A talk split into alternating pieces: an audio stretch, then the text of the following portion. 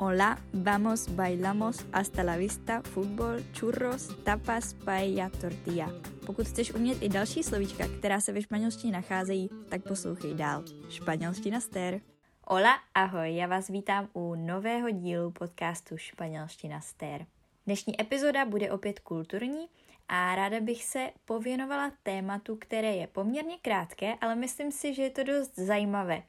A já jsem nad ním vlastně, abych pravdu řekla, do letošního léta vůbec neuvažovala,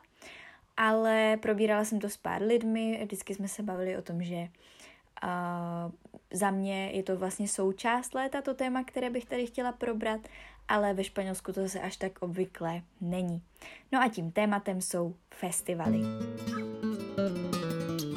Nevím jak vy, ale já, když se řekne léto, tak kromě dovči, moře a odpočinku a když jste dítě, tak asi um, volna, představím i letní hudební festivaly. A teda nejenom hudební, protože máme i spoustu jiných, jako třeba Shakespeareovské slavnosti, filmový festival v Karlových Varech a myslím si, že by se jich našlo i mnohem víc. Já osobně uh, vlastně už několik let za sebou, kromě covidové pauzy chodím na festival, který máme u nás v Ostravě a tím jsou teda Colors of Ostrava, takže pokud tam někdo budete, tak mě klidně zajděte pozdravit, pokud na mě narazíte.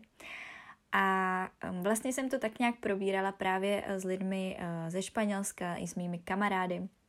A zjistila jsem, že vlastně ve Španělsku posledních pár let už sice festivaly jsou, samozřejmě třeba v Madridu máte skvělý festival, kde loni byl úplně úžasný line-up, ale vlastně to úplně není takové to gro toho španělského léta. A myslím si, že je to dost um, založené na tom, že zaprvé ve Španělsku je v létě, jak už jste možná v poslední epizodě slyšeli, dost horko a já upřímně dost často umírám vedrem i v Česku nebo obecně v Evropě na festivalech a nemůžu si představit, že by bylo ještě vlastně větší horko, než to, co jsem zatím zažila třeba na Colors.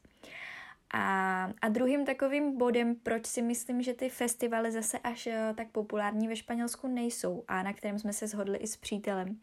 je ten, že vlastně Španělé, nebo obecně Španělsko má tolik vlastně těch svých tradic a svých fiestas, které jsou rozprostřeny po celém uh, roce, ale zároveň spousta se jich děje i během léta, jako třeba právě San Fermines nebo La Tomatina, nebo uh, myslím si, že se jich najde ještě víc, ale momentálně mě nic moc nenapadá, ale třeba právě i již zmíněná uh, Noche de San Juan. Uh, a vlastně nemají tím pádem potřebu zase tolik navštěvovat ty hudební festivaly, protože vlastně tady ty jejich městské nebo regionální nebo i celostátní oslavy zahrnují všechny tyhle ty věci, co vlastně najdeme na festivalech, protože často tam přijede nějaká kapela, často tam přijede nějaký zpěvák, mnohdy tam máte stánky s jídlem, někdy tam jsou i food trucky, máte tam spoustu doprovodného programu, divadla, takže vlastně ty jejich fiestas tak nějak už eh, svým konceptem nahrazují eh, ten pojem festival jako takový, který si my často užíváme v Čechách a to si myslím, že v posledních letech nebo minimálně před covidem se jich vyrojilo jako hub po dešti a máme tu opravdu obrovský výběr a je to čím dál tím populárnější uh, vyrazit třeba místo dovolené na nějaký z festivalů. Což taky obdivuju, a vlastně i dělám, uh, protože festival je sice super, ale určitě si na něm uh, za mě teda neodpočinete. Uh, občas by člověk potřeboval po festivalu dalších aspoň pár dní dovolené. Ale je to vlastně takové téma, na který jsem se tady chtěla zamyslet a chtěla jsem se vás třeba i zeptat, jestli jste byli na nějakém festivalu nebo tohle léto plánujete jít na nějaký festival a zároveň mě napadlo se vás zeptat, jestli i znáte nějaký z festivalů, který se koná právě ve Španělsku. Já znám dva, tak jsem si říkala, že je tady rovnou zmíním, abych vám třeba dala tip, kam můžete vyrazit v létě, umírat horkem a poslechnout si pár dobrých kapel. Prvním z nich je festival, který se koná v Madridu a jmenuje se Mad Cool. A letos, letos na tady tom festivalu byly například Red Hot Chili Peppers nebo Years and Years, které jsem já zažila třeba i na Colors. A byly tam spousta jako dalších velmi mezinárodních kapel, což vlastně je fajn, protože spoustu festivalů, které se konají ve Španělsku, se spíš soustředí na tu na tu jakoby státní nebo na nějaké ty vnitrostátní umělce a zase tolik se tam nezvou ti zahraniční, ale tady byl třeba i Robbie Williams nebo Sam Smith a hodně mi to připomíná takový jako styl Colors of Ostrava nebo třeba Rock for People, které máme u nás. No a dalším festivalem, který jsem chtěla zmínit právě jako kontrast, je festival Holika,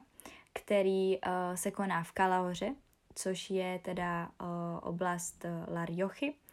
A je to taky poměrně velký čtyřdenní festival a je to právě festival, který spíše se soustředí na ty uh, domácké umělce. Takže tam, pokud jste opravdu nadšenci do tady téhle španělské hudby, třeba do reggaetonu i do jiných žánrů,